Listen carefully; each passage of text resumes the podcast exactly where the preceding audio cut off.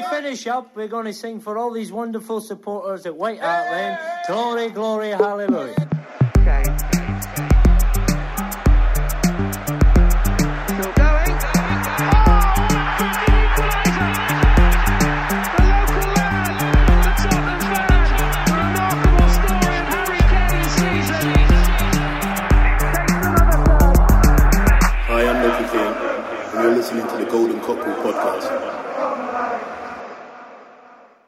G'day, g'day, we are the Tottenham Boys. Velkommen til en eh, sommerspesial med Golden Cockerel. Med oss i dag så har vi eh, Espen Froestad God dag, god dag. God sommer. og Leif Konrad Borsheim. God kveld, god kveld. Eller god dag, alt etter som når du hører på. Ja. Håper sola skinner uansett. Og det er veldig gledelig å kunne ta imot eh, Andreas Seipervi. Velkommen. Tusen hjertelig. Du er jo eh, ganske kjent eh, for oss som hører på en del podkaster. Vi har lagt merke til notatboka di i, på telefonen og diverse spørsmål. Så uh, har du telt over antall podkaster du hører i en uke? Eh, Det går ikke på uka, da, for det er jo noen av dem som kommer ut en gang i måneden. Men uh, totalt sett så kom jeg til 29. Uh, og ja, det er mye fotball. Det er jo det. Og så, så er det litt historie og litt eh, samfunn som høres på. Men det er mest fotball. Mest fotball. Ja. Så um, er det sånn at du rekker å høre dette her på normal speed, eller uh, skrur du opp farta lite grann? Ja, Nå er jeg så heldig at jeg er pappaperm, så da har jeg muligheter til å trille tur. Hun, eh, hun blir bortskjemt, hun tøttene. Så Ja. da, da kan jeg høre det på normal speed, men uh, i hverdagen så går det både på 1,5 og 1,75 for å komme gjennom. Oh. Så, eh, men det går stort sett greit. Eh, eh, Olof Lund har jo en podkast, han snakker så sakte at du må nesten ha den på 1,5 eller 1,75 for at det skal være normalt tempo, så da, da er det greit. Ja, ja, det er flott. Um, du er uh, keepertrener for Mjølner, eh, har jeg sett. Og uh, så er det litt fake news der ute på internett også. Du står som hovedtrener for Salangen. Men det er du tydeligvis ikke lenger. Nei, det var, jeg var hovedtrener der fra 2017 til 2021. Så ja. eh, 2022 og i år så er det noen andre som har ansvaret der. Salangen var vel med i det som var FK Fotballigaen eh, en gang i tida, var det ikke? Ja, det er korrekt. De var, de var en av deltakerne. Og det er jo en, bare si litt om Salangen. Altså, det, er en, det er en liten klubb i en liten kommune, men har spilt på øverste kretsnivå eller i landsdekkende serie siden 1991. Ikke verst. det, nei, det, det har vært eh, god fotballkultur her. Det har det, absolutt. Men du har drevet med fotball hele livet? Ja, jeg tror det. Jeg begynte jeg er opprinnelig fra Bardu, så jeg begynte å spille i Bardu IL, som den gang heter Miniputt. Eh, Kommer inn der som seksåring og har, eh, har siden vært inne i det. Jeg er 45 nå, da, så da er det jo, vi begynner å nærme oss 40 år med, med fotball. Ja, det er flott. Eh, Men deg og Tottenham, hvordan eh, var det du ble Tottenham-supporter? Hva var det som eh, fikk deg til å falle for de lille hvite? Nei, det, altså, jeg kan ikke peke på et sånn eksakt tidspunkt, men det var vel en tippekamp i 1986, 85-86, der omkring. Jeg har jo på meg bortedrakten fra 86 her. Og mitt første Tottenham-minne, sånn som jeg virkelig husker, det er FA Cup-finalen 1987. Uh, og da husker jeg at uh, Jeg husker Ray Clemens. Eh, Glenn Hoddle eh, fulgte jo med på I 86 var det jo eh, fotball-VM i Mexico, og Glenn Hoddle var vel med der. Eh, Sånn at det er i midten av 80-tallet en gang at eh, man eh, valgte lag. Og det har nå vært en, både en glede og en forbannelse i, i samtlige år, men eh, nei da. Det ble en sånn. Ja, nei, det, er, ikke, det er aldri kjedelig å heie på eh, Spurs. Eller det skjer alltid noe, i hvert fall. Ja, det skal altså gudene vite. og det må jeg bare si at de, Når man leser på nettene om at det her er det verste som har skjedd, og Tottenham er bare drit og sånn, ja, velkommen til 1992 Irving Scholar og det opplegget der. Da, da kan vi begynne å snakke. Ja, vi har vel rekorden i å eh, eh ha plasseringer eh, mellom eh, topp seks og bunn seks i eh, sesonger på rad i Premier League fortsatt. Ja, det kan nok stemme. Så, ja. ja. Det, har, har, du et sånt eh, minne om Tottenham som du liksom aldri Du vet du aldri kommer til å glemme? Enten at du har opplevd på eh, White Hart Lane eller Tottenham Hotspur Stadium eller eller på TV? Jeg har notert ned fire ting her. Ja. Uh, mitt første altså Det jeg virkelig husker med glede, det er jo den semifinalen mot Arsenal i 91. Mm. Uh, Paul Gascoigne. Herregud. Det var altså ja, det var så nydelig å se på. Og alle var jo sikre på at den kampen kom Arsenal til å vinne. Og så bare Ja, de herja. Det var, det var nydelig. Så den var, den var fantastisk. Og så er det vel vanskelig å komme utenom den uh, kvelden i Amsterdam. Uh, jeg er litt usikker på hva jeg gjorde uh, de siste ti minuttene og de ti minuttene etter kampen, men, men jeg husker bare at det var, det var, noe av det råeste jeg noen gang har sett altså, på TV. Så det er vel de to TV-minnene som stikker seg fram. live så, så jeg Tottenham første gang i januar 2006 borte mot Liverpool på Anfield. Tapte jo 1-0. Um, Satt og flirte av Harry Kewell i hele første omgangen. Det straffa seg jo, han, han som skårte. Så det fikk man jo høre. Ja, men det, det, som gjør at jeg husker den kampen spesielt, det er det at jeg fikk se Michael Carrick spille for første gang live. Og det var en åpenbaring. Eh, måten han eh, posisjonerte seg på, styrte midtbanen eh, det, det, var da man fikk se hvor, altså, hvor god han kunne være. Så ja. Eh, der, Derfor husker jeg den kampen godt. Eh, og så er det jo da den hjemmekampen i 2011 i november mot Villa, der uh, Adebayor han putta vel to mål der. Å være på White Hart Lane da, i lag med nesten 36 000 og bare kjenne trøkket og stemninga, det, det, var flott.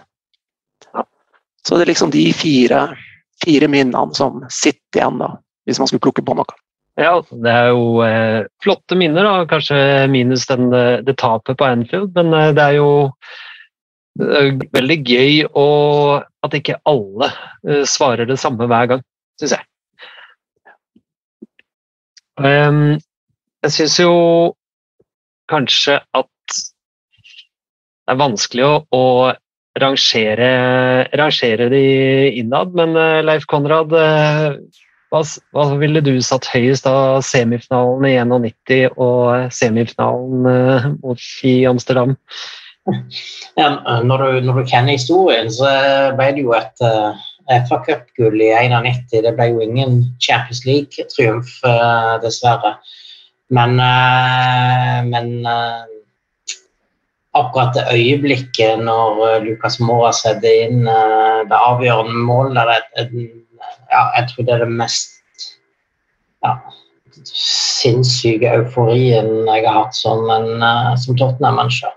Så, så, ja, det, det, det, den er vanskelig rett og slett fordi at, uh, at, uh, at det ene ga oss jo et, et trofé, det andre gjorde du ikke, da, men, men ja, selve opplevelsen der og da, da rangerer jeg Amsterdam høyere. Ja, nei, jeg kan, eh, kan, skrive den. Jeg visste ikke helt hva, hvor jeg skulle gjøre av meg når, eh, det ble 3-2 der i Amsterdam. Var... jeg lå litt på gulvet og sprella. Jeg lå hoppa i taket og ja. Eh, Espen, er, du er jo for ung til å, ha, til å huske 91, men Jeg var ikke født eh, under cupfinalen i 91, født en måned etterpå, så det fikk jo aldri jeg oppleve. Eh, så den faller vel litt bak i rekkene for meg personlig, da. Eh, men eh, selvfølgelig mora i, Amsterdam. men så finnes det jo mange andre eh, øyeblikk de siste 20 årene. Som Andreas nevner, det har vært tøffere før enn eh, hva det har vært under ja, bare de siste årene nå. Plutselig har vi spilt semifinaler og finaler og fått oppleve det igjen. Så det har vært mange gode øyeblikk. og siste kampen eh, på Whitehall Lane. Eh, du avslutter en sesong uten å tape på hjemmebane før eh, den ble rivd, var jo et enormt øyeblikk. Nå skal vi uh, gå litt videre til uh, litt mer uh, alvorlig tema. Hi, I'm Ledley King, and you're listening to the Golden Cockerel podcast. Dele Alli har nylig gjort et intervju med Gary Neville, som jeg syns var veldig sterkt. han forteller om sin barndom, sine problemer og avhengigheter. Og Espen, hva, hva, var dine følelser eh, når du så dette intervjuet? Du sitter jo med en klump i magen i 45 minutter eh, under praten med Gary Neville. Eh, så skal det sies at Gary Neville var fantastisk til å holde samtalen i gang og intervjue Delali. Så det ble en god eh, og naturlig samtale. Eh, men det kom jo ikke helt som en overraskelse at det har vært noe galt rundt Dele Alli. Og det henger nok òg litt i lag med at prestasjonene hans gikk nedover. Men det er jo ekstremt trist å høre på. Og det er nok en reminder for både spillere innenfor fotballen, men også fans som eh, følger med det, at det vi holder på med på tribuner og sosiale medier, det påvirker faktisk eh, fotballspillere. Eh, og de tar det til seg. og det kan være med å ødelegge både en karriere og sikkert til slutt også liv. Da. Så eh, det var et ekstremt trist intervju, men jeg tror det var en god oppvekker. Eh, både for supportere og, og medspillere. Ja, han har jo måttet tåle mye dritt i eh, sosiale medier og blitt hengt ut både her og der. og det at nå eh, eh forteller at det, her har han vært langt nede. Det, det var på en måte godt å høre at det var en eh, menneskelig grunn, dette her, og ikke bare han var høy på seg selv. Og eh, Andreas, eh, jeg tenker at det må jo være vanskelig for, for fotballspillere, spesielt på toppnivå, å takle alt dette her på en gang. Men han sier jo noe om det i det intervjuet. altså Måten han takla det på, var jo å ikke si noe. Å putte på ja. sånn brave face og smile selv om han øh, var trist.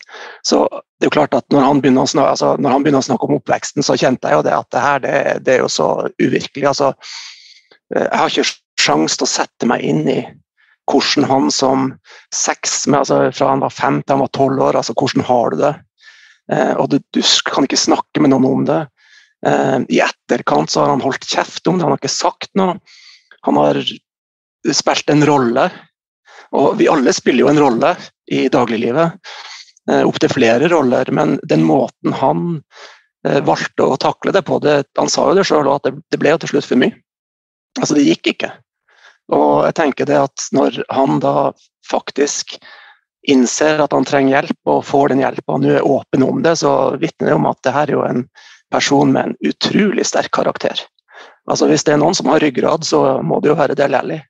For eh, ja, som sagt, når han forteller om seksuelt misbruk, han forteller om at han begynner å røyke som syvåring, eh, blir eh, doplanger som åtteåring, eh, har ingen grenser hjemme, kan komme og gå som han vil. Altså, hva det gjør med et ungt menneskesinn, det kan man jo altså, det kan man bare forestille seg. Og, nei, det var, det var, meget spesielt å høre han fortelle om det. og Det gir jo noen tanker om at vi som supportere, og spesielt sånn som du nevner gjennom sosiale medier, altså det, det ligger kanskje mye bak som vi aldri blir å få vite, eller vi ikke har sjanse å vite. så det å kunne tenke seg om både én og to og tre ganger før at man skal hogge til noen, det, det, det, ga i hvert fall meg en oppvekker når jeg, når jeg hørte han prate der, for det var utrolig sterkt. Ja, Det er helt enig i. det. Bare det at han eh, ikke ikke lot seg eh, få hjelp. altså Fosterfamilien hans, eller adoptivfamilien hans, eh, bønnfalt han jo om å fortelle hva det var, men han nekta rett og slett å, å si noe og ville bare kjempe på. Altså, det, det er et under at han har nådd så langt. Syns du ikke det, Leif Konrad? Jo, det er klart han hadde jo ikke det beste utgangspunktet. Det er jo ingen som helst tvil om når du begynner å doplanger og, og, og røyke før du er i, i tenner, og lenge før du er i tenner. Så det er klart at du har det utgangspunktet der er, er, er dårlig. Men, men, så var det jo denne fosterfamilien da som, som jo har virkelig vært bra for han. Um, og og han sier vel litt altså Det kommer vel litt sånn fram òg at, at det, han, han, trenger å ha liksom de rette typene rundt seg òg. Han trenger å ha en sjef. altså Det fungerte ekstremt bra med, med en Pochettino inn, inn der så liksom som, som, nærmest ble en far for han òg.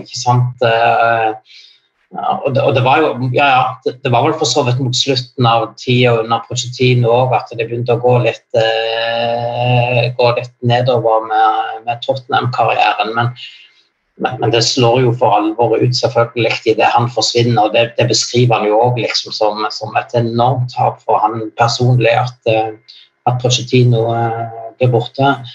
Så, så, men nå er det egentlig bare å håpe at uh, Jeg er litt sånn enig med det, det, som er blitt sagt her, at uh, han uh, har en Han fremstår han en meget sterk karakter. han virker å ha blitt voksen, og håper liksom ikke at dette er liksom at, at det kommer tilbakefall på tilbakefall, at det er litt sånn Gassa-historie på dette her. Sant? Det var jo ekstremt kort tid fra han hadde vært og fått behandling til han, til han, gjorde dette intervjuet. Da. Så det liksom bare kryssa fingrene. Men, men, men, måten han fremsto på det intervjuet, ga meg litt sånn ro på at uh, her er det en, en, en som har fått uh, tankene på rett uh, kjøl igjen. og, og er fortsatt i en alder og har lenge igjen av karrieren og, og, er villig til på en måte å gå inn og ofre en del for å få den på rett kjøl. Så det er liksom bare å krysse fingrene på at, at dette går bra. og og at han kommer tilbake igjen i, i godt, gammelt slag. For det, det, fortjener han virkelig. Ja, absolutt. Han, eh, han sier jo også at han er, han er, kanskje det beste stedet i livet akkurat nå. Eh, han ville, han ville nok egentlig venta litt med å fortelle det, men han vet at uh, han, han, sa det at han visste at uh, tabloidene visste at han hvor han var, og begynte å spørre klubben. Så istedenfor at eh, det skulle bli en, eh, en eh, historie på en spiker her, så tok han og fortalte historien selv. Og det, det må jo også være bra for andre å se, da. Det, for, han sier jo det at han tviler på at han er alene om i hvert fall dette med avhengighet av sovepiller. Ja, det, det, var jo tydeligvis veldig utbredt eh, blant, eh, blant, fotballspillere. Jeg, jeg, kan jo skjønne det og måten du på en måte beskriver det, at det, du har liksom vært gjennom en kamp og liksom du er høyt oppe, og, og, og det er bare å dra hjem og, og, legge seg og liksom være klar til ny økt dagen etterpå. Det, det, det kan umulig være enkelt. Um, så, så, ja, det er jo fint at han får satt litt fokus på det òg eh, for andre som, måtte, som tydeligvis er i samme situasjon, om ikke så drøyt som på dele, men som òg eh, opererer med, med sovepiller for å komme seg gjennom nettene. Ja, hva bruker du for å få sove, Espen? Eh, jeg har ennå ikke begynt å sove heller, men normalt går det fint, eh, fint av seg sjøl. Um, så får en bare håpe at uh, Del Alli får en uh, ekstremt god velkomst uh, tilbake på Tottenham Hotspur Stadium i, i slutten av desember. Uh, når vi møter Everton, og forhåpentligvis er han fortsatt i Everton da, sånn at han får litt, litt ro på seg og en god arm hos Sean Dyke. Ja, han, uh... ja bare, bare, jeg, jeg, var der jo på når de møtte Everton her når første kampen hans tilbake igjen. Eh, og det òg ble veldig eh, spesielt, altså. Fordi eh, hele Southstand står og synger på, på deler. og og han blir litt sånn sjenert i forhold til hvordan han skal reagere på dette. Så Hugo Lloris går jo bare bort og så tar jeg hånd rundt han og leier han bort til, til Southstand, så han får liksom eh, tatt imot både hyllesten og, og kanskje takka litt òg for, for, den støtten som, som han definitivt har blant Tottenham-fansen.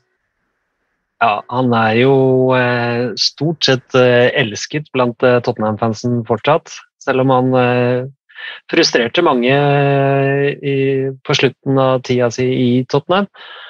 Um, veien tilbake for, uh, for Del Alli er jo også litt avhengig av uh, en viss klausul i kontrakten mellom, mellom, Tottenham og Everton. Han gikk jo gratis, og etter å ha spilt et visst antall kamper, nå er det vel ni kamper igjen, Eh, så trigges det en eh, klausul på 10 millioner eh, pund.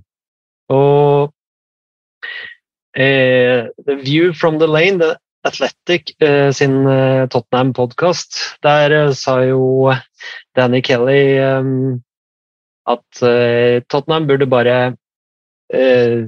ta og fjerne den klausulen først som sist, for å hjelpe eh, Dele Alli og ikke måtte ha en eh, byrde på seg når han skal tilbake på banen. Har, eh, har du noe tanker om det, Andreas, om eh, hvordan Dele Alli skal eh, komme seg tilbake på, eh, på sitt beste?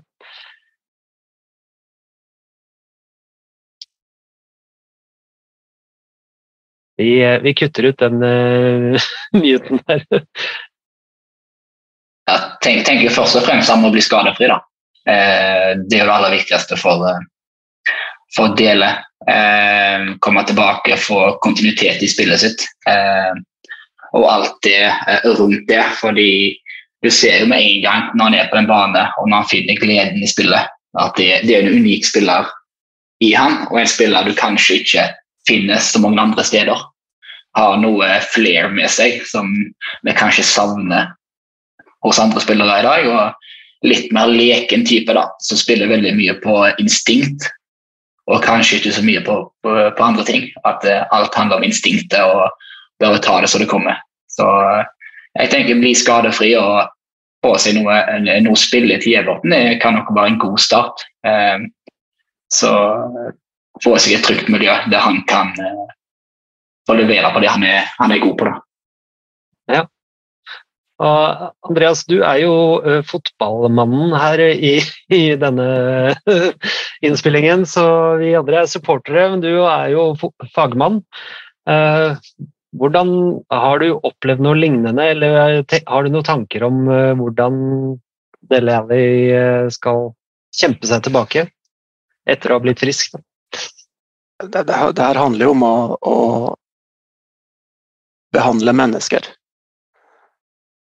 Eh, det var, det var vel Brede Skistad som sa det i sin tid at behandler du alle likt, så gjør du feil, eller noe sånt i den duren. Eh, og jeg tenker jo det at den, som det blir sagt her, altså den klausulen kanskje han bør fjernes. Eh, ja, det er kanskje lurt å bare si det at greit, vi, vi setter mennesket først her, og du skal få lov å, få lov å spille og utvikle deg og gjøre dine ting. og Kanskje en dag så kan du komme tilbake. Eh, nå har Vi jo fått en, eh, vi skal snakke om eh, Ernst Postsjuglo etter hvert, her, men jeg, jeg, tipper jo det at han fremstår jo sånn som man ser han på intervjuer og det man leser om han, så jeg er ikke så sikker på Eller, kan, eller ikke, ikke sikker, men kanskje er Ellie Postsjuglo en god match som eh, kunne ha, om ikke fått han tilbake til det han var i sin tid, så jeg tenker jeg at det kunne vært spennende. Og jeg tror kanskje også det at den manageren Tottenham har nå, har en litt annen inngang i måten han tilnærmer seg spillere på. Og ja, jeg ser ikke bort ifra at han kunne fått fram det beste i Del Alli nok en gang. Nei, det, det er slettes ikke uenig og jeg innrømmer at jeg har vært inne på tanken selv. og Dette beviser jo også litt hvorfor du er Tottenham-supporter. eh, Som en fotballromantiker som vil, eh, vil at eh, ting skal gå, gå bra. Ja, altså, altså, altså Spillere som underholder, som spiller uten frykt. Det er Alli på sitt beste var jo fryktløs. Han, han gjorde jo ting som ja, vi sjelden har sett spillere i Tottenham har gjort. Eh, og altså bare måten han så ut til å kose seg når det fløyt på banen der, det er jo altså det er jo det vi vil ha. Altså, Ja. Drit i 5-3-2 og stram defensiv organisering. Det, la guttene spille. Ja, har du et favorittmål av det, Andreas? Ja, det er vel det Pelles-målet. Det er jo Altså Det er teknikk, det er balanse, det er kroppsbeherskelse. Det, er, ja, det inneholder alt. Så det må, det må være det. Ja. Og eh, ditt nummer to, da, Espen? Um, nei, uh, det, det må Chelsea. Uh, hjemme på var det vel White Lane, eller Tottenham Hotspur Stadium. Jeg er veldig usikker. Jeg skåra to mål, og begge var vel med hodet. Men det første han har med hodet der, eh, bare legger han, i, legger han i lengste, og han henger i lufta. Det er, var en magisk ærlig kamp. Begge assistene var vel fra Christian Eriksen, hvis jeg ikke husker Ja. ikke feil. Det er riktig, så det var jo to, to kopier av et mål. Eh, det var mine beste deler av øyeblikk. Jeg mener det var på White Hart Lane. Men, uh, Leif Konrad, har du en tredje kandidat? Ja, det har jeg. Det er et eh, mål på Emirates der eh, Kane slår han i bakrommet, og der han liksom bare kommer alene og bare med en helt eh, deilig vipp vipper han over Arsenal-keeperen og i nettet.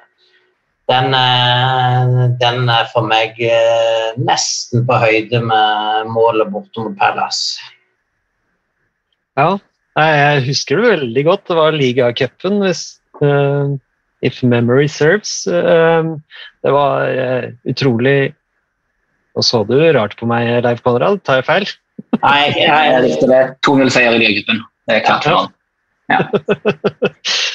Um, jeg har en fjerde kandidat. Da. Det er um, borte mot uh, Chelsea når vi vinner på brua for første gang på evigheter. Hvor han får en lang ball fra Dyer, tar ned og, og skyter i steget stang inn. Og så går han og feirer foran, uh, foran uh, Chelsea-fansen og, og håner dem og bare nyter uh, all dritten som blir slengt. Ja.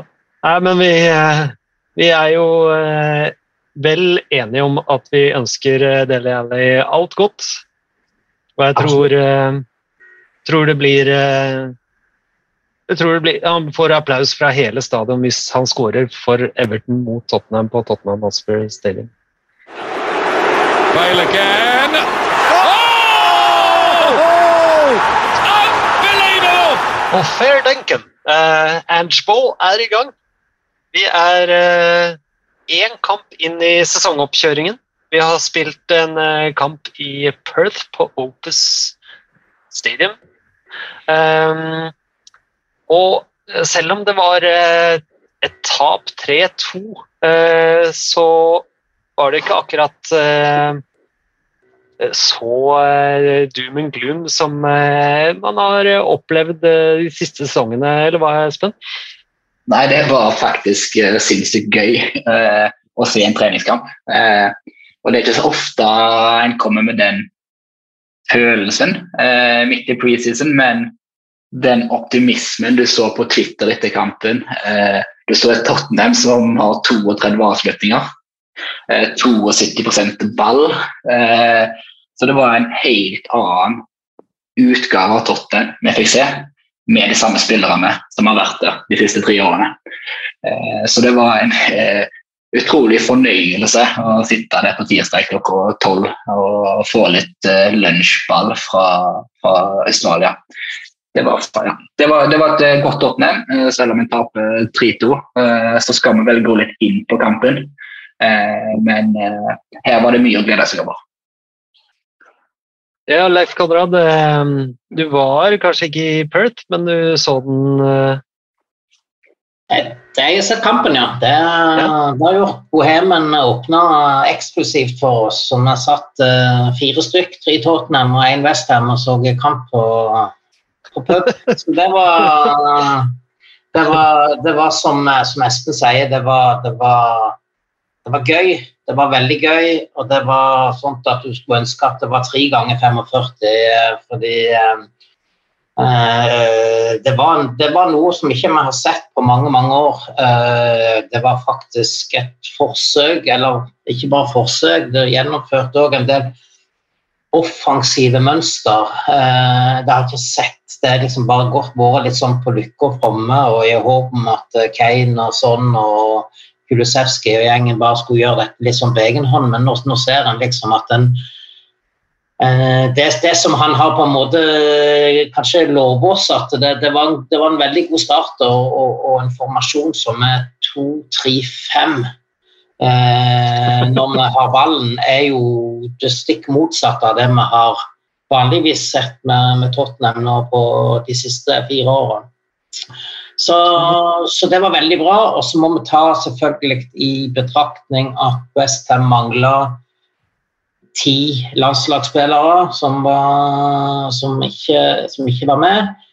Uh, vi hadde jo noen ute med òg, men, men, de hadde et ungt lag. Og i det hele tatt at vi slipper inn tre mål uh, mot et sånn motstand, er jo litt bekymringsfullt. Men nå har jo Ainge sagt at uh, dette har vi ikke trent så forferdelig mye på.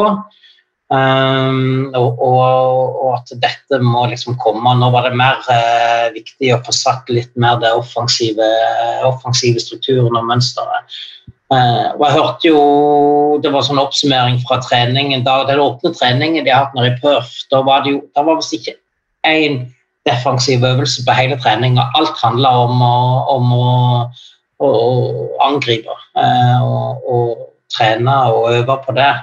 Eh, så, så, men, jeg, men, jeg, tipper, selv om at det var 45 minutter på hver enkelt spiller, så fikk eh, Postekoglu ganske mange eh, svar allerede. Um, som, som, uh, så det blir spennende å se litt hva som skjer videre. Um, ja, jeg vet ikke om vi skal gå igjennom uh, litt sånt uh, det, det, er jo jeg tenker det var jo noen som skilte seg ut, da, eh, som du nevner. Eh, positivt og negativt. Som jeg fikk vel et svar på. Sant? Forsvar. Eh, da fikk vi vel en bekreftelse på at der må det skje noe. ja, det, det, det, er jo egentlig bare, spør du meg, Romero som, eh, som holder av de eh, stopperne. Tanganga han, han, det var han skapte det meste som Westham eh, hadde, for å være et stygg. Regilon tror jeg heller ikke kommer på det nivået som vi trenger. De andre bekkene var positive. Udogien som hadde en bra debut. Eh, på høyre side så klarer jo Masson Royal og, og Pedro Poro seg eh, veldig godt. Eh, midtbanen jevnt over syns jeg det er gode prestasjoner. Eh, Elfie Divine han sto litt ut for meg i andre omgang. Jeg synes Det var utrolig spennende å se han litt mer. Når han er blitt 18 år, Eh, ser at han har fått litt mer muskler på kroppen. Uh, om han er klar allerede denne sesongen, det, det får vi jo se der på. Men, men, eh, men eh, veldig spennende. Sammen med Papa Matasar. Eh, Lo Celso er det jo, kan vi plutselig ha en ny signing her til å utfordre James Madison. Så, så, alt i alt så var det veldig mange lyspunkt, og ikke minst så var det en liten forsmak om hva vi kan forvente oss sånn rent eh, taktisk og spillemessig. Andreas? Ja, altså jeg tenker, det sier jo mye når uh, du kommer inn som ny manager, og det du tar tak i, det er det offensive spillet. Altså, vi har ikke vært vant med det på de tre siste. Altså det, Der har det vært defensiv struktur og sikkerhet og hele hopprennet. Og så får du inn en type som sier at nei, vi skal begynne å dominere kamper. Vi skal angripe med mye folk. Eh, vi skal eie ballen, vi skal skape sjanser. Og Jeg har jo ikke sett kampen, men jeg har hatt kontakt med folk som har sett. Jeg fikk oppdateringer underveis. Og En par av de kompisene mine som jeg snakka med, de sier at for første gang på, på mange år så var det, det her var jo faktisk artig. Altså, de, de sitter og ser en Tottenham-kamp og, og, gleder seg over eh, spillet. De ser at ting som er blitt sagt eh, på forhånd, eh, blir gjennomført. Eh, det var ikke snakk om å legge seg bakpå, det var snakk om å prøve. Og, altså, det å komme med masse folk i boksen, det er jo ikke noe Tottenham har vært kjent med de, før de siste årene. Så bare, bare den mentaliteten som han har klart å sette i gruppa på så kort tid, det er klart at det, det gir grunn til optimisme. Og så klart det defensive, slippe inn to mål på dødball, som man gjorde. Eh, Tanganga, Davinson Sanchez er vel kanskje ikke spillere som skal bekle noen stopperrolle i Tottenham i fremtida, men samtidig så får jo Posisjoglu han, han får jo sett de spillerne her. Han får sett nivået. Og hvis ikke og hvis det stemmer det som er sagt, at uh, han er ganske knallhard med med de spillerne han ikke vil ha, så bør jo han, eh, om ikke han har snakka med Daniel Levi, så bør han jo i hvert fall få gjort det ganske kjapt og bare si at hør her, vi har, eh, vi har en to-tre utfordringer, fiks det. Eh, og jeg kan ikke tenke meg annet enn at Levi med det presset, for han må jo åpenbart ha et press på seg. Han er nødt til å levere noe. Og at han nå skal gå inn i rollen som sportssjef og begynne å bestemme og mene mye sjøl, det, det har jeg vanskelig for å se. Så eh, jeg syns det her virker veldig spennende. Eh, så en del høydepunkt. Lo Celso, som Leif Konrad sier, han, eh, han, han skårer jo et fantastisk mål. Og Lo Celso er verdensmester. Det er klart det er fotball i fyren. Så jeg, jeg, jeg, er rimelig optimistisk. Det var jo litt Gå, Kjør, Espen.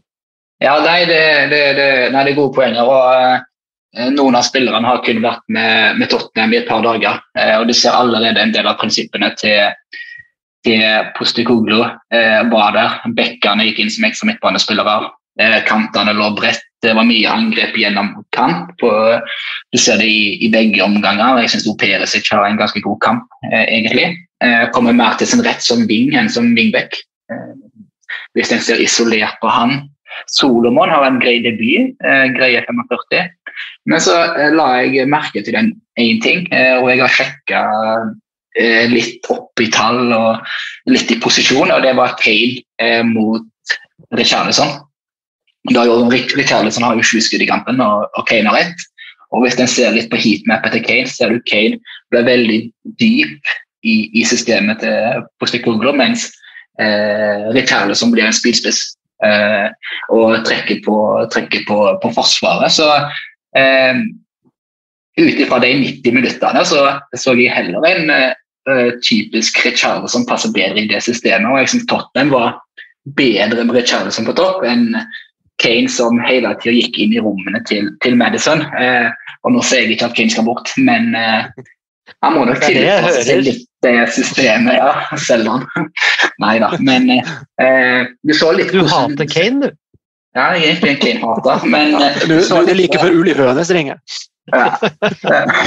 Men det var litt kult å se, se det sånn, Selv om han, kom, han bommer og bommer og bommer, så kom han til, han kom til seks avslutninger eller sju avslutninger. og eh, Noen av de er uflaks, treffer metallet. Eh, et skudd går via en blokk ut, utenfor. Eh, men det viser jo at eh, det finnes forskjellige måter å angripe på under han òg. Eh. Ja, men det er fint å vite at vi har, eh, vi har en spiss i august også, eh, eh, ettersom Kane-sagaen nok kommer til å gå helt til 1.9. Er jeg redd? Um, vi kan jo rett og slett snakke litt om Kane, da. Um, uh, han har jo ikke gjort noe eh, golfbaneintervju eh, denne gangen. Uh, han har hatt Han virker ikke like klar for å dra denne gangen. I hvert fall ikke så demonstrativt. Det er jo mye rapporter fra Tyskland spesielt om at eh, nei, han vil til Bayern osv. Og, så og så eh, i England så er mer rapportene at eh, nei, han, er- han holder alle muligheter åpne. Og eh, jeg vil jo gjerne tro at han eh, holder alle mulighetene åpne og ser her at eh, dette her, eh, dette her er et prosjekt jeg vil være med på. Dette er um, Ernst Postecoglou. Han, eh, han er mannen som kan uh, få Tottenham tilbake til å være Tottenham. Uh, han er uh, manageren som kan sørge for at jeg går forbi Alan Shearer. Han er manageren som gjør at Tottenham kan ta hjem et trofé igjen. Ehm, jeg sier ikke at alt dette her skal skje kommende sesong, men eh, hva tror du, Andreas? Tror, tror du Kane blir, eller tror du han drar? Du må svare ja eller nei. Oi, oi, oi, oi. oi. Uh, tror eller håper, eller skal vi ta realismen Uh, Nå kom det jo noe i dag om at han ikke ville skrive under ny kontrakt, men han ville heller ikke presse fram en overgang. Han skulle heller gå ut kontraktstida og så, så ta en overgang neste år. Og ifølge Uli Hønes i Bayern, så er det jo, da skal han dit. Eh, jeg, jeg, jeg håper at man får landa det her eh, før 1.9. Eh, at det ikke blir eh, noe som drar ut i tid. Eh, jeg håper jo at Kane selvfølgelig skriver under ny kontrakt. Eh, hvis han velger å ikke skrive under ny kontrakt, og, men sier at han vil vente og se, så tenker jeg det at ja, det er faktisk verdt det. Eh, han skårte 30 mål i Premier League i fjor. Eh, du, det erstatter du ikke bare sånn uten videre. Eh, og så er det jo, er det jo en sjanse der, da, hvis han vil vente og se. Hvis det her går, går den veien vi alle håper, så kan det jo hende at han i oktober-november tenker at ok, eh, vi, vi tar noen år til. Eh, når det er sagt, så hvis han skal forsvinne, så håper han forsvinner. Eh, han må gjerne dra til Bayern. Jeg tror ikke han får det spesielt mye lettere der. Det er jo en klubb med spesiell historie, og det er noen omstendigheter der. og Det, det smeller godt i gangene på Allianz Arena. Og, men det er klart at han har vært nå i Tottenham i så mange år og gitt så mye av seg sjøl. Så om han nå ønsker å prøve noe nytt, så, så tenker jeg jeg har forståelse for det, selv om det kommer til å bli, til å bli vondt å se han gå. Men heller Bayern enn United, Chelsea, Liverpool, City, Arsenal. Eh, hadde han havna i United, da, da tror jeg at eh, ja, Da vet jeg ikke helt hva jeg hadde tenkt. Men eh, jeg, jeg vet bare det at jeg hadde fått inn i helvete med tyn hos noen kompiser. Så den, jeg tenkte jeg, den, den, den lar vi ligge. Men jeg er jo, helt enig i at, eh, at eh, han må heller ut av eh, landet hvis han skal, hvis han skal gå. Men eh, jeg, jeg skjønner ikke hvorfor han skal til Bayern München. Jeg, jeg, altså, jeg, jeg ser ikke en logikk i den overgangen overhodet. Eh, hva, hva, hva er det med, med å, å, å få et Bundesliga-trofé og, og kanskje gi opp eh, forsøk med å bli mestskårende i Premier League? Eh, Han, han kan jo vinne Champions League, da. Nei, det kan han ikke. Bayern München Nei, det, det, det, det, det, det, det, det det, det er ikke Jeg, blir overraska om, om de tar uh, Champions League, men, men uh, nei, altså, så, så det gir ikke noe mening. Men samtidig så er jo uh, litt av altså he, Hele historien rundt dette her, og at journalister nå har hatt en jobb hver sommer nå i tre år, handler jo om at han må, ta, han må vinne et trofé. Han fortjener et trofé. Og da må du velge en klubb. Altså, han, han vil jo også få det presset på seg. nå. Hvis, hvis han går til en annen klubb og ikke får det trofeet, ja, da kan han ikke skylde lenger på at uh, han har vært uh, altfor lojal mot et lite ambisiøst Tottenham. Da, da, da, da kommer du litt på han sjøl igjen. Så sånn sett så er jo Bayern det mest trygge valget han kan gjøre, sammen med Real Madrid, som jo ikke er aktuelt i sommer, men som fort kan bli det neste sommer. Um, og, og, hvis vi jeg, jeg, tenker vi må bare dra ut hver dråpe vi kan av, av uh, Kane og, og, ha han uh, fram til kontrakten går ut, om det er det som blir konsekvensen. Fordi at han han, også, han er en Tottenham-mann. Han vil aldri finne på å gå til Arsenal, f.eks. Det, det, det, kommer ikke til å skje. Han, er, altså han, han, gir ikke opp hele karrieren sin for å eh, få en sesong eller to i, i, Arsenal. Det gjør han ikke. Chelsea med Pochettino, ja, kanskje, men, men, eh, men eh, det òg er på kanten. Og, og, igjen, det er fortsatt ingen garanti for at du vinner noe trofé der. Eh, Liverpool kan selvfølgelig være aktuelt. Eh, Manchester United kan være aktuelt. Men kommer ikke til, det er ingen garanti på dette ligaet, nei, dette trofeet som han må vinne. for Det er derfor han uh, forlater klubben, fordi han skal ha det trofeet. Men jeg tror ikke han forlater Tottenham for et FA-cuptrofé. Det handler om Premier League. Han forlater ikke Tottenham for å vinne ligacupen eller FA-cupen. Eh, det handler om eh, Premier League, da. Ja, okay, så da er City som er, er en aktuell klubb. Eh. Eneste garantisten for å vinne ligaen. Nettopp. Og, og, og, og, det, ja, det kan jo være at det kan være aktuelt neste sommer hvis de får han gratis. Så, men da vil, vil, han dra dit der og ikke eh, være et automatisk valg på topp eh, hvis uh, Haaland fortsatt er der. Uh, så Det er jo det ene sida med det. Så andre, andre er jo òg at han er 31 år når sesongen til neste høst begynner. Uh, og, og, du er 31 år, så skal du ut og skal du forhandle en, en god kontrakt, en lang kontrakt. Uh, hvor villige er de klubbene som da kanskje nå uh, vil ta den risikoen? Er den risikoen like stor neste sommer? Jeg er gud ikke sikker på det. Altså. Og da blir han kanskje stående igjen med selv, selv, om han står fritt til å velge klubb, så er det ikke sikkert at det er så mange alternativ for han. Eh, som igjen øker sjansen for at han da kan eh, signere en ny kontrakt med, med Tottenham. For Tottenham vil gi han en, en god og eh, lang kontrakt òg eh, neste sommer, eller neste vår, om det er det det ender opp med. Så, så, for all del, hold han en sesong til. Vi kan liksom ikke gamble med å, slippe han. Skal få komme til Andreas, men jeg vil bare nevne en klubb som eh, ikke snakkes så mye om. Da. Det er jo eh, Barcelona.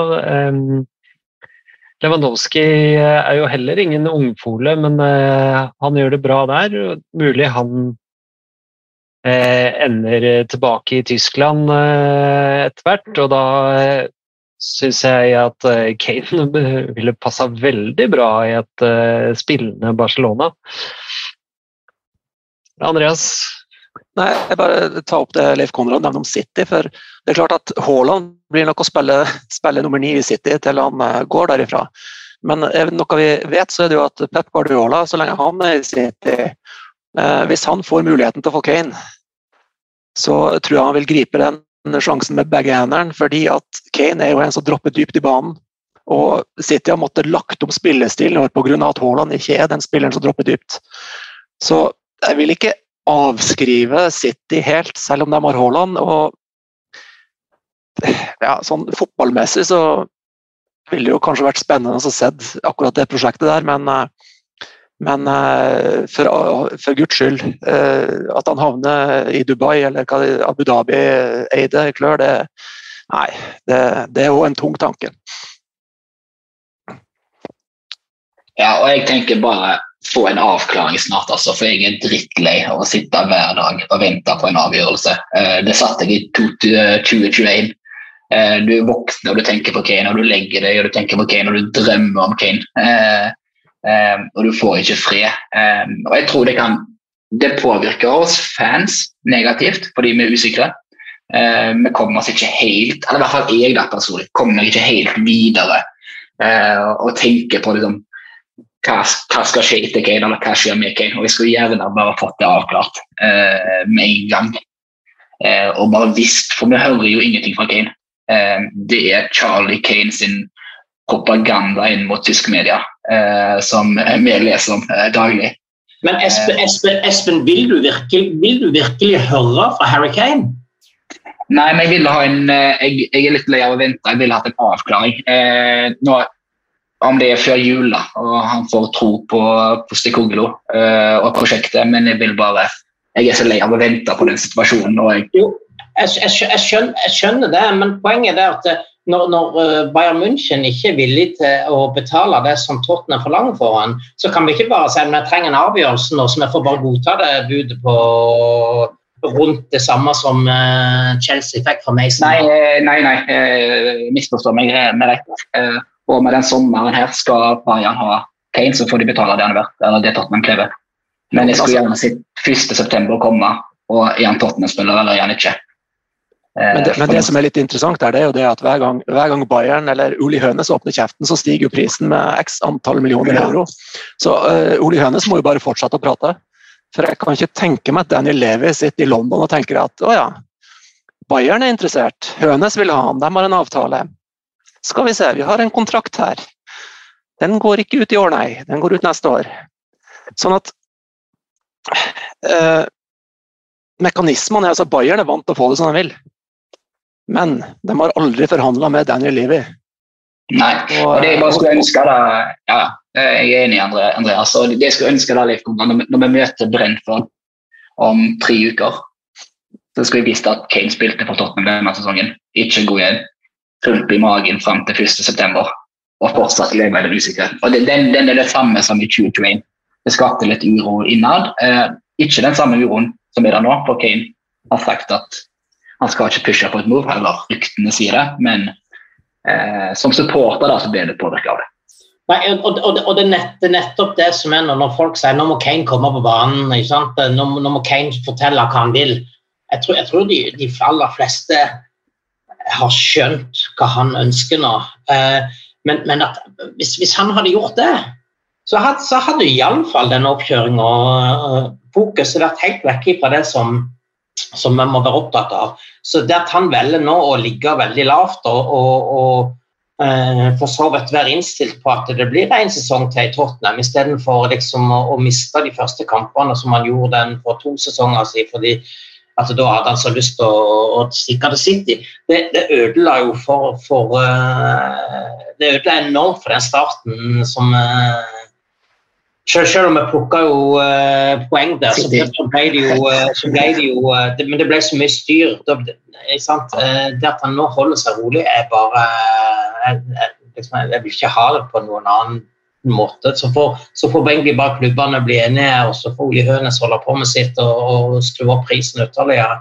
Så, um, så, så det som Uli, Uli, driver og snakker om eh, Jeg eh, tenker jo at eh, kanskje han han erklærer litt for litt her. altså ok, Vi får ikke kjøpt Harry Kane, men Harry Kane har sagt at han vil til oss. Så i januar da kommer vi tilbake, og da signerer du på oss, Harry. Ja, altså, det jo en. Ja, så tror jeg Tottenham har eventuelt da seks gode måneder til å prøve å overbevise Kane eh, på at riktig avgjørelse å bli i, i Nord-London og hos Tottenham. Så ingenting er avgjort, tror jeg, etter i sommer. Og jeg tror Kane spiller Tottenham neste sesong. Eh, kommende sesong eller neste sesong? Ja, kommende sesong, da. Eh, Riktignok, ja. vi, vi, håper også på neste. Ja, håper på neste. og den etter der igjen, og den etter der igjen. Men uh, vi, uh, vi, uh, vi, kan sitte her i mange timer og snakke om Harry Kane. og håper at neste gang vi snakker om Harry Kane, så er det med litt andre overskrifter enn det som er nå i dag. Hi, this is Graham Roberts, and I'm listening to the Golden Cockerel podcast. Vi skal snakke litt om ryktemølla som går og går og går. Det er, ehm, det er mye gjenbruk i disse ryktene, og hvis det var noe i kampen mot Westham eh, fortsatt viste, så var det det at vi vi trenger forsvarere um, av et litt bedre kaliber enn de, eh, de andre enn eh, Christian Romero bak der. Og um, Andreas, eh, du har, du har sett rykter, men du er kanskje Har du noen favoritt av disse som er rykta til oss? Ja, det, var, det, kom jo et rykte nå om en brasilianer. Jeg lurer på om det er broren til Leandro Damiao, eller hva han heter for noe. Pedro. Eh, men eh, nei eh, Det er jo to stykker Bundesliga som har vært heftig linka til klubben Tapsoba i Leverkosen og van de Ven er det vel han heter, i Wolfsburg. Og Det er jo to unge midtstoppere. Og ut ifra det jeg skjønner, så har jo han nederlenderen, i hvert fall, van de Ven, han, har vist, eh, han er brukbar kjapp. Uh, og det er jo klart at uh, skal Ernst Postersjuglo spille med høy linje, så vil man kanskje avhenge av litt tempo hos de to midtstopperne som skal rydde unna. Ja, det er jo et klipp på, på, sosiale medier som går sin seiersgang, hvor han sprinter tilbake fra motstanders nei, 16-meter og klarerer i egen boks ligger ganske greit bak, bakpå i starten der. Ja, nei, altså, så det er jo, altså, som, som midtstoppere så er, det jo, så er det jo de to i hovedsak, men så er det jo kommet også nå eh, de siste, den siste uka eh, et, eh, Det er vel mer enn kanskje et rykte, men han Ashley Phillips er det vel fra Blackburn, som er Om han ikke er klar, så er det vel kanskje ikke så langt unna, men jeg kan ikke tenke meg at han skal gå inn og å løse de defensive problemene i Tottenham. Han er så vidt jeg vet, så han 18 år gammel og har en håndfull kamper i championship. Så jeg måtte sjekke han ut. da, bare så Jeg spurte Eirik Aase på Twitter, han er jo Blackburn-fan og driver Championship Norge. Så han omtalte han som eh, lovende, men at det var litt vanskelig å si da hvor god han egentlig er, fordi han har spilt så lite. Men akkurat den dreininga nå, der at klubben er begynt å se på unge engelske spillere som spiller i championship, eventuelt league one, league two, det er jo noe jeg applauderer. Eh, drittlei av å se eh, oss linka til alskens eh, midtstoppere som spiller i alskens liga rundt om i Europa. Som kanskje har et navn, men der, eh, der navnet er større enn ferdighetene. Sånn at det er vel i hovedsak de tre hvis man tenker midtstoppere. Eh, får man ikke noen av dem, så eh, er jeg jo spent på hva, hva klubben gjør. Om vi får, en, vi får de drar opp noen S med. Type overgangen til van der Fart som kom ut av det blå her for en god del år siden. Men jeg håper jo for, for Tottenham sin del og for Postersjuglo sin del ikke minst at de får på plass én eller to midtstoppere som man kan bygge, bygge laget rundt. For det, den defensive tryggheten, hvis vi får den inn i klubben og får den inn i det, det Tottenham-laget vi har i dag, så, så, kan det her bli eh, meget bra. Ja, eh, Tapsoba er jo høyrefota, men kan spille på venstre. Eh, Van de Ven er jo venstrefota, som vi har god bruk for. Um, hvis vi får inn de to, så tror jeg vi har eh, et ganske bra fundament. Uh, Romero kan, kan, jo finne på å bli skada en annen gang, så da kan de kanskje spille sammen. Hva, hva, tror du, Espen, om midtstopperjakten vår? Midtstopperjakten? Jeg håpet jo at én stopper skulle være på plass før turneen til Asia og uh, Australia og Asia. Så det var litt skuffende at en av de ikke var landa. Eh, har vel også vært linka til Joakim Andersen i, i Palace og Tosin fra Fulham. Eh, og Det vitner jo om at de ønsker stoppere som er gode med ball i beina. Som skal være en del av det oppbyggende spillet og en ganske sentral del av det. En så det ganske tydelig i kampen mot Westham at stopperne får en sentral rolle. De skal være rolige med ball, de skal tre opp i midten. Eh, tre gjennom ledd. Eh, de, de, skal stå ekstremt høyt. Så, så blir på en måte, du, du, er nødt til å ha litt tempo på dem. Eh, vi så jo med en gang at Sanchez bomma på en liten involvering mot Westham, og vips så var det 3-2 og frasprunget. Men ja, jeg tror det, jeg tror det fort kommer, kommer både inn og to stoppere inn. avhenger nok litt av hva som går ut av. Eh, som sagt, du sitter med Tanganga, Davis, Roden, Sanchez, Dyer og Romero. Eh, så du sitter jo med en stor gjeng, eh, og du er nødt til å få noen ut. Eh, men kampen viste at du må ha en stopper, og det viste hele fjorårssesongen nå. At minst én stopper inn, og helst to, da. I tillegg til Ashley Phillips, som jeg tror er mer en signering de henter på den kommende. Det er en sånn typisk opportunistisk signering. Eh, du kan få en eh, engelsk stopper billig, som spiller fast på U19-landslaget og regner som en av de største stoppertalentene i England. da. Men, Ja. men det, var jo et, det var et rykte her tidligere i vår om uh, Mark Gray i Palace. Uh, har, jeg har ikke sett noe mer om det. Er det lagt dødt, eller? Jeg tror fort de er ryktene internt i England det, eh, Både sikkert Joakim Andersen og Gry og det snakkes ekstreme summer fordi økonomien i, i alle Premier League-klubber er, er så god. Eh, Tosin i, i Fulham har vel bare ett år igjen på kontrakten, så, så den er jo litt annerledes.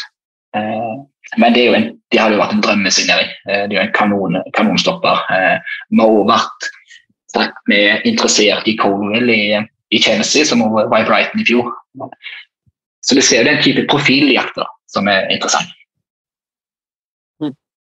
Leif Kronrad, har du noen i kikkerten du har, eh, har merka deg i ryktebørsene, eller eh, rett og slett bare noen egne favoritter? Ja, jeg har, eh, jeg har jo for så vidt, et, et navn som ikke har vært nevnt så langt, og, eh, er jo Alex Scott i Bristol City, som nok en ung, meget lovende midtbanespiller som eh, kom vel på årets lag i championship, hvis jeg husker helt feil, eh, forrige sesong. Eh, og etter sigende så skal han i tillegg være Tottenham-supporter. Så, så, så han hadde det vært Han burde vi nå Der, der er jo vært meldt at vi, vi følger med på han.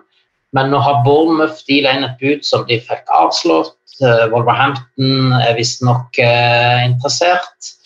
Så, så spørsmålet er om, om, eh, om vi lar liksom de andre klubbene nå forhandle fram en pris, og så, og så går vi inn og byr det samme. og, og og henter han. Jeg håper det, for han, det, det er hans lille jeg har sett av han, jeg det, da, eh, ser veldig spennende ut. og En, en, en midtbanespiller som kan dra av en eh, og, og skape et uh, overtall. sånn. Så, så han uh, hadde vært spennende å fått, uh, inn.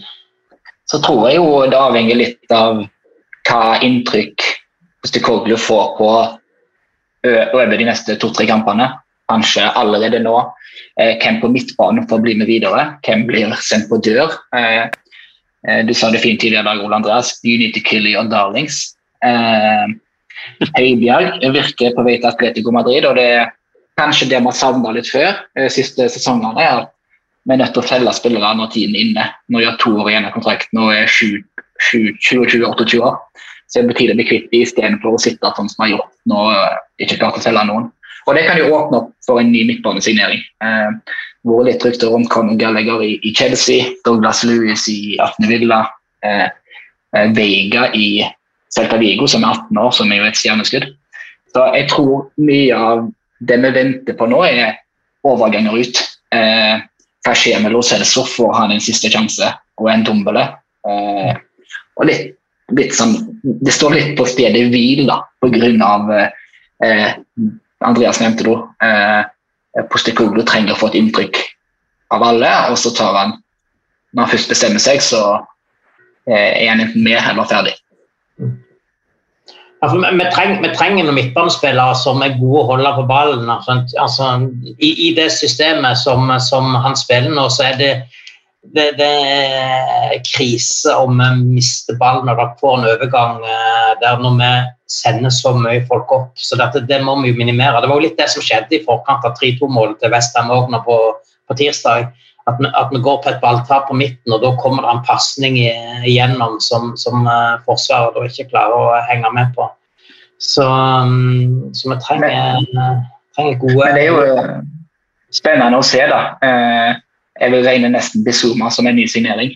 Eh, sånn han framstår nå, eh, trygg, god i sekserrollen, eh, kanskje han kan ta den og dekke en av midtbanerollene. Madison eh, er for meg en klassesignering. Eh, eh, Pottene ville ha han i fjor, Tante sa nei. Levi var klar til å punge ut. Eh, Udoge kom jo nå til Tottenham etter å ha vært på lån, som virker som en, en god back. Så det begynner jo å fylle opp eh, hullene eh, vi har savna. Og så jeg tror det største hullet vi har, i, å stoppe posisjon. Eh, men, nå, skal vi ikke jakte en ny keeper, men, men, det var jo litt min Det, det, det spørsmålstegnet som jeg fortsatt sitter igjen med etter, etter kampen på tirsdag. Eh, nå fikk han bare 45 minutter vikario, men jeg, jeg, ble ikke sånt uh, totalt overbevist om at det er rett mann. Men nå sitter det jo keeperfaglige folk her som som kan si noe mer om det. Du skal få lov å mene noe, Andreas. ja, nei, altså, han, han, har, han, har, spilt 45 minutter. Han har spilt med Tanganga foran seg. Altså, som, som keeper, hvis, ikke, hvis ikke backfireren funker, så, så blir selv de beste. De blir seende veldig dårlig ut. Jeg eh, skal ikke mene så mye om Vicario, jeg har sett ham for lite. Men de stegene han har tatt i Italia de siste årene, vitner om at det er noe der. Og jeg er ganske trygg på at hvis man får inn, eh, får inn en, en backfirer som fungerer, så vil du få se en keeper som eh, også fungerer. Det, det er det liten tvil om. Å stå bak en backfirer som ikke fungerer, det er, altså, det er et mareritt. Eh, og så skal jeg bare skyte inn eh, med midtbanespillere. Vi har jo en i klubben som eh, kommer tilbake i løpet av eh, høsten. Bentancour. Eh, så jeg ser ikke det umiddelbare behovet for å hente inn midtbanespillere med tanke på kommende sesong. Men det er klart at hvis Høibjerg forsvinner, så, så må man kanskje gjøre noe på sikt. Men jeg er jo veldig spent på å se Bentancour i, i en rolle der han skal få lov å utfolde seg litt mer enn det han har gjort til nå. Tenker du Bentancour i da åtterrolle eh, ved siden av Madison, eller i eh, sekserrolle sånn i konkurranse med Bizoma? Jeg tenker han kan bekle begge rollene. Han har åpenbart ferdigheter, og han er jo også en type ballvinner på midten der. Eh, jeg har veldig sansen for han. Det er sånn, litt sånn uruguayansk dirtiness over han. han. Du tror at han er borte, og så plutselig er han der, og så snapper han ballen, og så og det virker jo aldri som han har dårlig tid. Han, altså, nei, så, hvis man ser kamper med Bentancour der han virkelig blomstrer, så han, han finner løsningen. Slår stikkerne, trer opp i rom. Spiller ei støttepasning med mening. Eh, sånn at eh, Jeg tror jo det kan bli veldig spennende å se han. Ja. Um, vi snakka ja. litt om uh, spillere ut uh, også. Vi har jo faktisk uh, solgt uh, det mange har ment var støttepasningens konge. Harry Winks har gått til Leicester. Det, men der uh, syns jeg på sosiale medier så har det vært bare lykkeønskninger til Harry Winks.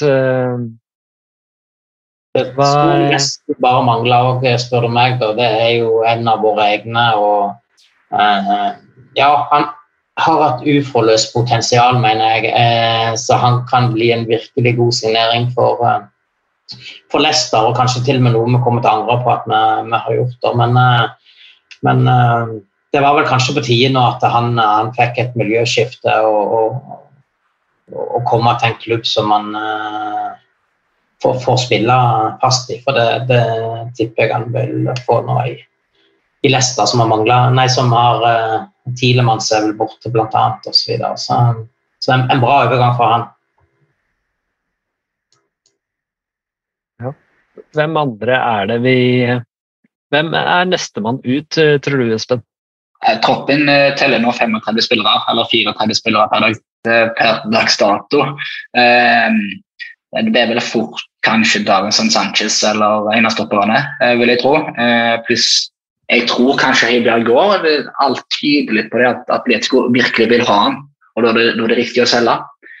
Um, så får vi se da, hvem som får tillit i de neste kampene. fordi Det er kun fire treningskamper seriestart. Uh, og vi kommer nok til å se et mer og mer toppa lag. eh, som tidligere. Og så er det jo et lite eh, det er jo en liten, liten faktor i januar og, og februar med Asia-mesterskapet og Afrikamesterskapet som kommer. Eh, dessverre på Tottenham med, med Son som er borte borte i seks-sju kamper. Bizuma som er borte. Eventuelt Tapsoba som er borte hvis du signerer han. Så da forsvinner jo litt av plutselig tre spillere som i en elver. Så du, du, trenger jo god bredde og, og kvalitet på bredden. Eh, men det er interessant å se. Og det blir, det blir, jo interessant å se nå, for det, er jo ikke så mange ukene til vi skal faktisk registrere en 25-mannstropp. og da, da, vil vi jo se hvem er det som ikke kommer med der, og som, som da rett og slett ikke får spilletid til, til høsten. og klart at de, De siste ukene da, av, av overgangsvinduet vil jo uh, de aktivt søke seg uh, til andre klubber. vel? Ja, så tror jeg kanskje det kan komme en opp av hatten jeg, på slutten av vinduet. Eh, en, en, en mulighet som åpner seg, og det er en ledig plass i kroppen. Eh, så nevnte jeg Konrad Devine. Jeg syns han var skikkelig spennende mot Westham. Og Jeg håper heller han får en plass i kroppen enn at en Dumbele eller Lo Celso bare sitter på benken i 38 kamper. Da håper jeg heller at den, den ligger hos Devine, at han får noen spille, spilletider hvis ikke han skal lånes ut. For da vi er nødt til å utvikle egne spillere igjen. Det var Tottenham kjent for, og det er lenge siden det kom en opp gjennom akademiet nå. Uh, og han virker som uh, en ekstremt god, god spiller. Ja. Um, det er jo ingen hemmelighet at jeg uh, liker Lo Celso som spiller, også før han kom til Tottenham. Han var jo Han har jo hatt en trøblete Tottenham-karriere Eh, men han var jo også Tottenhams beste spiller eh, eh, rett før lockdown. Men jeg tenker at ja, nei, han er en vi kan få penger for. Vi trenger litt eh, turnover i troppen. Vi trenger litt forfriskninger. Eh, og samme med Høibjerg. Han har vært en eh, bærebjelke i de traurige årene som eh, har vært nå. Han har gjort en strålende jobb, egentlig. Men jeg tenker ok, vi kan få penger for han, vi må la han gå. Er det noen, er det noen sånne darlings du eh, må gi slipp på, Andreas, eh, for å se noe forfriskning Oi, ja, nei, altså, altså Lo Celso har jeg sansen for han, er jo. Jeg liker spilletypen. På sitt beste er han jo fantastisk. Men så, han har jo slitt med mye skader. Eh, sånn at Sånn som konkurransesituasjonen er blitt nå i internasjonal toppfotball, fotball, så er det klart at det å ha en spiller som er tilgjengelig i halvparten av kampene altså, det, det er dårlig butikk sportslig. Eh, hadde jo kjempeforhåpninger til Dombelé når han kom. Så han eh, litt i Lyon, jeg syns han var fantastisk, men eh, jeg ser vel kanskje Altså, jeg blir overraska om, eh, om han er en del av en eventuell 25-mannstropp i Premier League. Sånn at uh, Det er vel i hovedsak de to. Og så er jeg litt, litt, spent på han, uh, han vi signerte i fjor, som Conte uttalte som at det her var en klubbsignering. Jed Spence. Uh, hvor, hvor, blir han av i det her bildet? For den, de små sjansene han fikk, så syns jeg han virka som en spennende, moderne back. Sånn at jeg håper jo virkelig ikke at at man, eh, at man kvitter seg med han. At han får, eh, han får i hvert fall en sesong til før at man tar noen avgjørelser. Så eh, Utfordringen er vel at, med, med at både Pedro Poro og Emerson Real er foran i køen. Da. Så da må de jo eventuelt kanskje kvitte seg med en av de hvis de skal gjøre plass til Dead Spence der. Det, ja, Nå fikk han kun spilletid i, i, i eh, Perth, så får vi se om han får noe nå i, i Thailand til, til helga. Men er han ikke skada? En liten skade. Er du skada? En liten skade nok eh, som gjorde at han ikke var med i troppen. Ja. Men det, det, er jo, det, er jo, så mange, vet du, at du får ikke det var, det, altså, du, Alle får jo ikke spilletid. Eh, så han må ta noen tøffe valg her nå i forhold til til hvem som, som får spilletid i disse treningskampene. Så ja, det blir interessant å se hvordan hvordan han eh, tar ut lagene de to neste kampene. Mm. Og så eh, en annen eh, som eh, tilhører ditt felt, Andreas, er jo Hugo Joris. Jeg tenker vi må si eh, merci, Hugo, eh, og, la, og la han gå. altså ikke, ikke kreve noe eh, foran, bare Eller ja. Eh, jeg, Ja, nei, altså, Hugo Loris, eh, det er bare å takke og applaudere og si tusen hjertelig, og så ønske lykke til videre. Det, det han har bidratt med i den klubben her i, over så lang tid, det, jeg syns jo han i sin prime var jo han en av verdens beste. Og det at han ikke har forlatt Tottenham med alt det opplegget som har vært etter at spesielt Porcetino dro, det, altså da fortjener han, eh, han fortjener stående applaus og eh, masse lykke til videre. Det er eh, Altså, han er jo også verdensmester og kaptein, og det bringer meg inn på et uh, nytt tema. For uh, drar uh, Loris? Hvem, eh, hvem er ditt valg da som eh, ny eh, klubbkaptein? eh? la oss si at Harry Kane blir neste sesong, kommende sesong. Og hvem velger du da som kaptein i dette Tottenham-mannskapet, Andreas?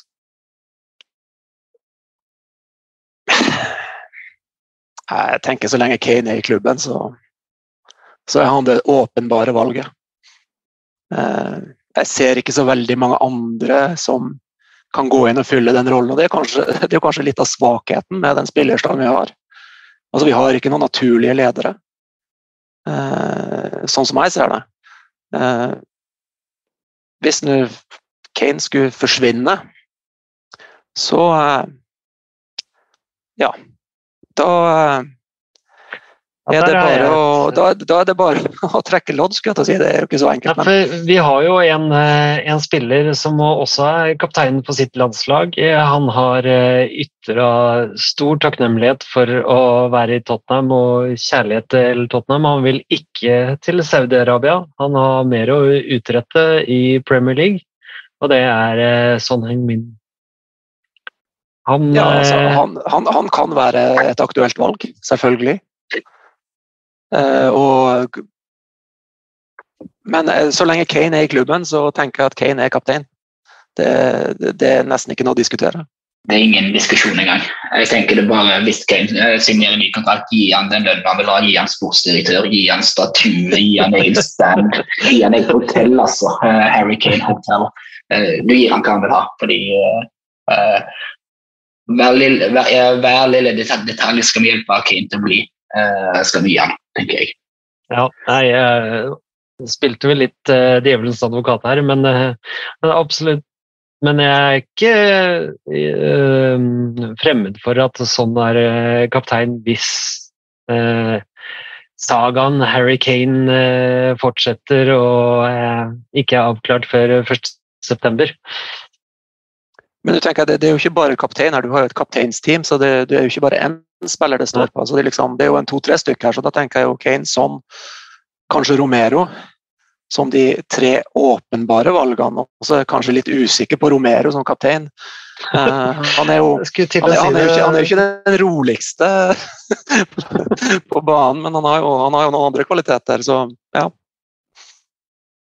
Ja, nei, eh, jeg hadde kanskje ikke gått for Romero som eh, kaptein, men det er klart eh, En som har vært kaptein, er jo Eric Dyer. Han eh, ser ut til å eh, tjore seg fast, vil noen si. Jeg er helt komfortabel jeg, med å la han spille ut kontrakten. Hva, hva tenker du, Leif Konrad?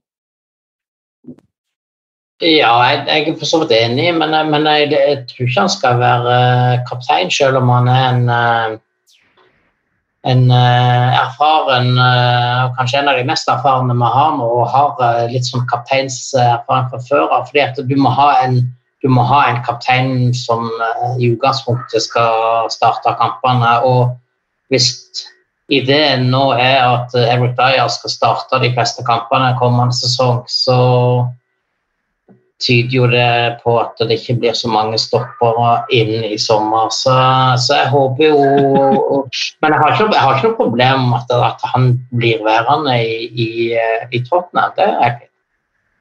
Ja, og eh, jeg, tenker, jeg, tenker, jo helt fint at Dyer blir. Han er en leder i gruppa.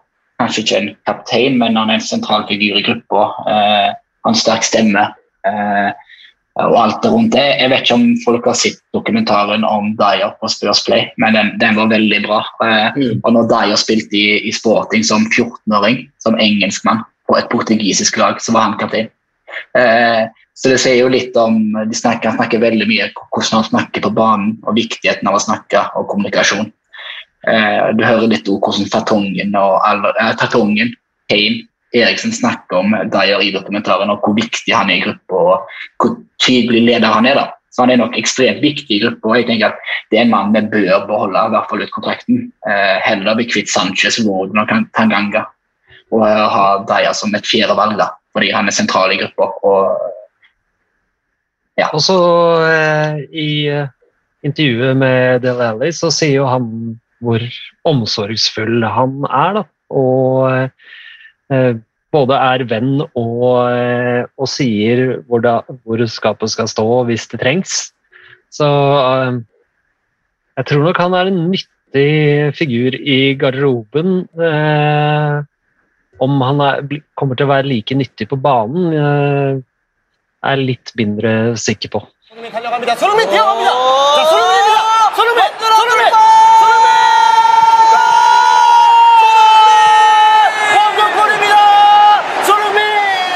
Vi har fått eh, noen eh, spørsmål. Eh, noen av de har vi tatt underveis. Men Andreas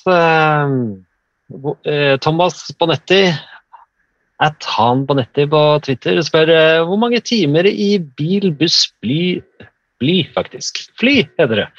Blir det å delta på treninger, kamper etc. i året? Jeg vet ikke om du har rukket å regne på det, eller? ja, jeg prøvde. Eh, eh, jeg bor i Salangen, det tar en time å kjøre til Narvik. Så skal vi gjennomføre trening, så tar det en time å kjøre hjem. Så på ukebasis så bruker jeg vel i bil til Narvik en plass mellom seks og åtte timer. Avhengig av antallet treninger jeg er på. Uh, skal vi spille bortekamper, så er det jo enten buss til Tromsø eller Skjervøy eller Alta. Sågar opp til Hammerfest. Nå er ikke jeg med dit i år.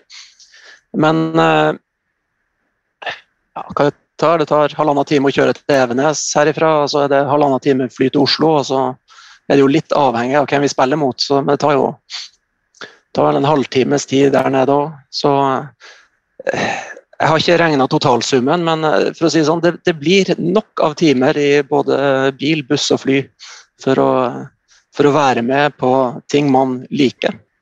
Men ja. Hadde jeg ikke likt det, så hadde jeg ikke gjort det, så det, det, det er helt ok. Da, det gir deg kanskje tid til å høre på podkaster også? Åpenbart.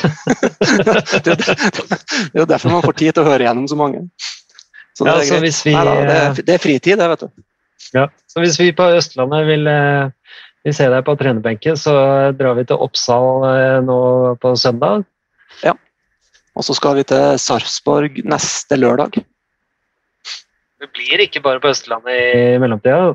Nei, jeg har noen unger hjemme som trenger noe tilsyn, så det, det spørs om det hadde vært, vært forenlig med, med, det. Vært populært, ja.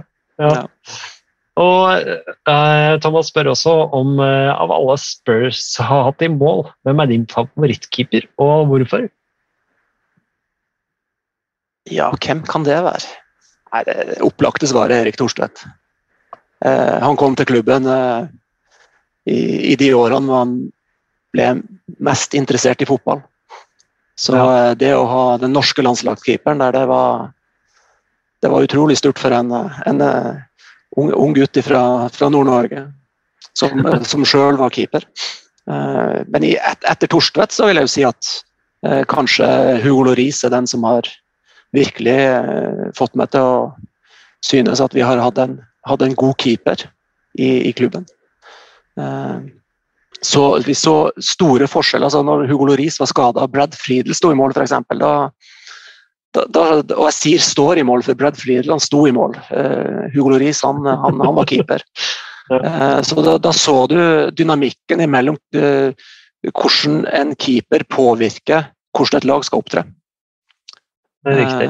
ja. Så med Brad Friedel i mål og høy linje, det var det, det, var ikke, det, var ikke, trygt, for å si det sånn. Nei. Nei. Nei uh, vi kan jo dra litt på spørsmålet. Hvilken uh, keeper har frustrert deg mest? Uh. Bobby Mims. Wow! Du dro Bobby opp av hatten? Ja, fy fader. Det er møkkamann.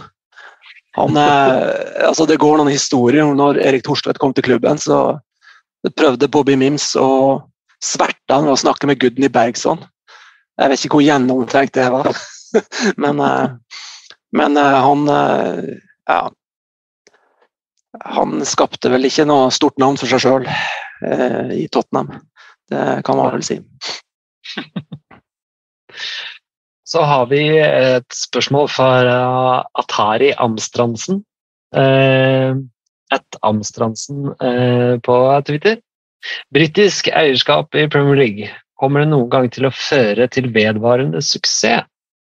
Forutsatt at utenlandske eiere ikke blir, eh, blir bannlyst, noe som kommer til å skje Noe som ikke kommer til å skje med det første, i hvert fall.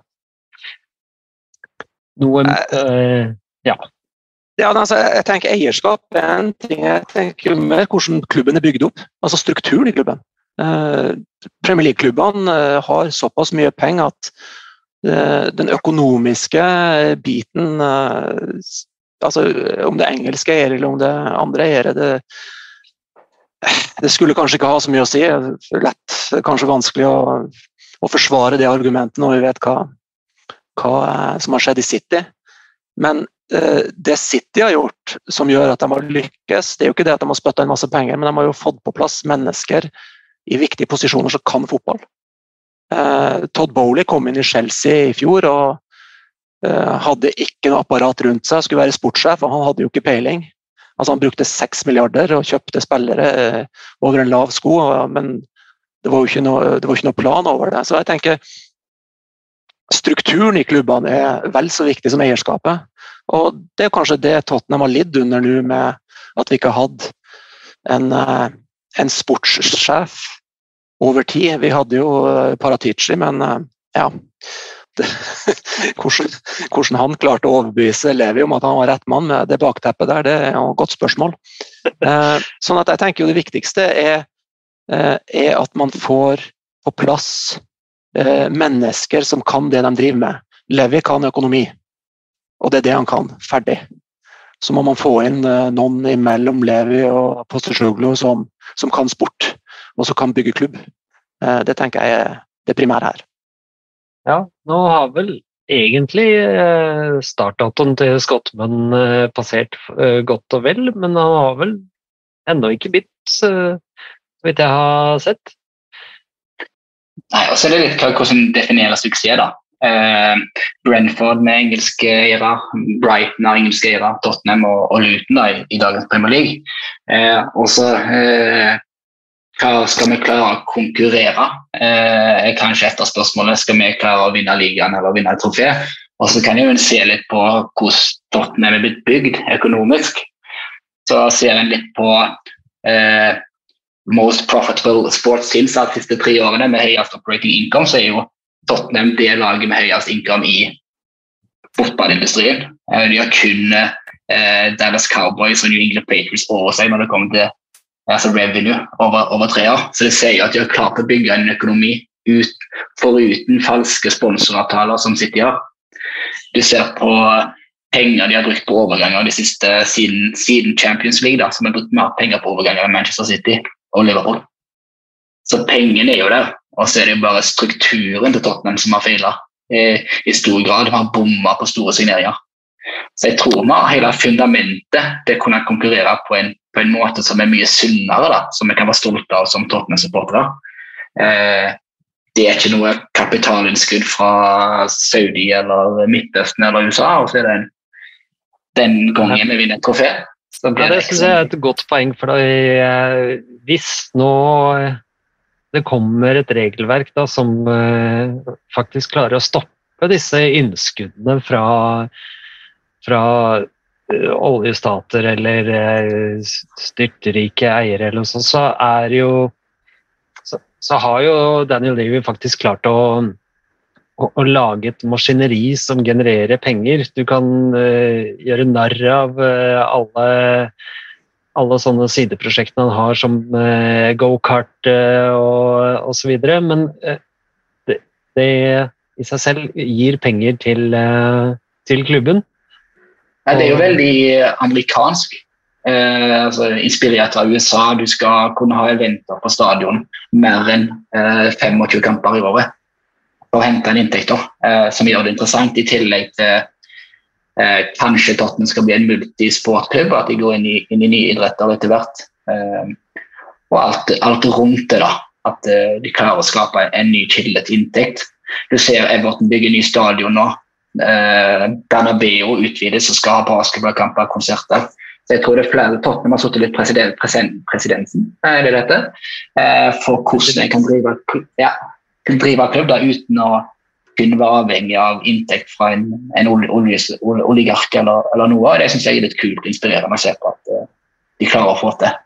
Så, så lenge du ikke glemmer at det er en fotballklubb, at det er det det egentlig er, og at ikke det er fordi at Tottenham har blitt eh, ekstremt opptatt av ei bunnlinje, eh, og du har eiere også som ønsker at eh, dette skal gi, gi noen inntekt, og du skal sitte litt igjen med dette.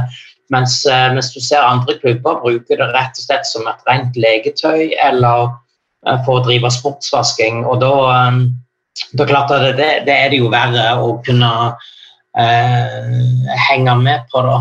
Um, så, så, så, for det er jo ikke sånn at City bare har fått inn de rette folka. De har òg, liksom, når de har behov for å, for å styrke laget sitt, så har de gått ut og kjøpt tre eh, høyrebacker en sommer til noen milliarder. ikke sant, Bare for, for å få de inn.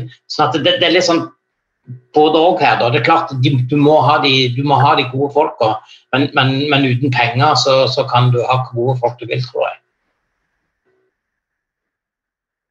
Jo, men poen- po- poenget, med, poenget med City her er jo at ja, de har pengene, men de identifiserer jo også spillere i større grad og treffer oftere. Fordi at de har folk som vet hva de driver på med. Det er ikke det at de slenger ut noe kort på bordet og så ser de på at ja, han er ledig og han er ledig. Altså, så Det er jo en tanke bak det. Men, men, jeg, men jeg skjønner hva du mener, Leif Konrad. Altså. Du, du, du, må pengene. Ja, og de kjøpte jo noen keepere her før de eh, ble fornøyd, som uh, Pep da han kom. Han, han, han gjorde jo et par bomkjøp før han fikk på en måte den han ville.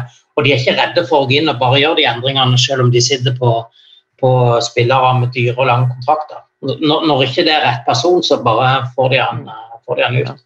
Eh, vi sitter jo her nå fortsatt og har eh, mange av de samme spillerne som var med under Pochettino. ikke sant? Til tross for at det har vært fire med på fjerde manageren etter Pochettino nå.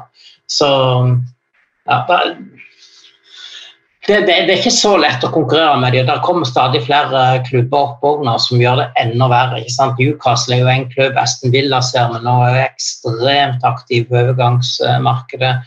Arsenal gjør mye fornuftig, spør du meg, nå når de har kommet seg inn i, i, i det gode selskapet igjen.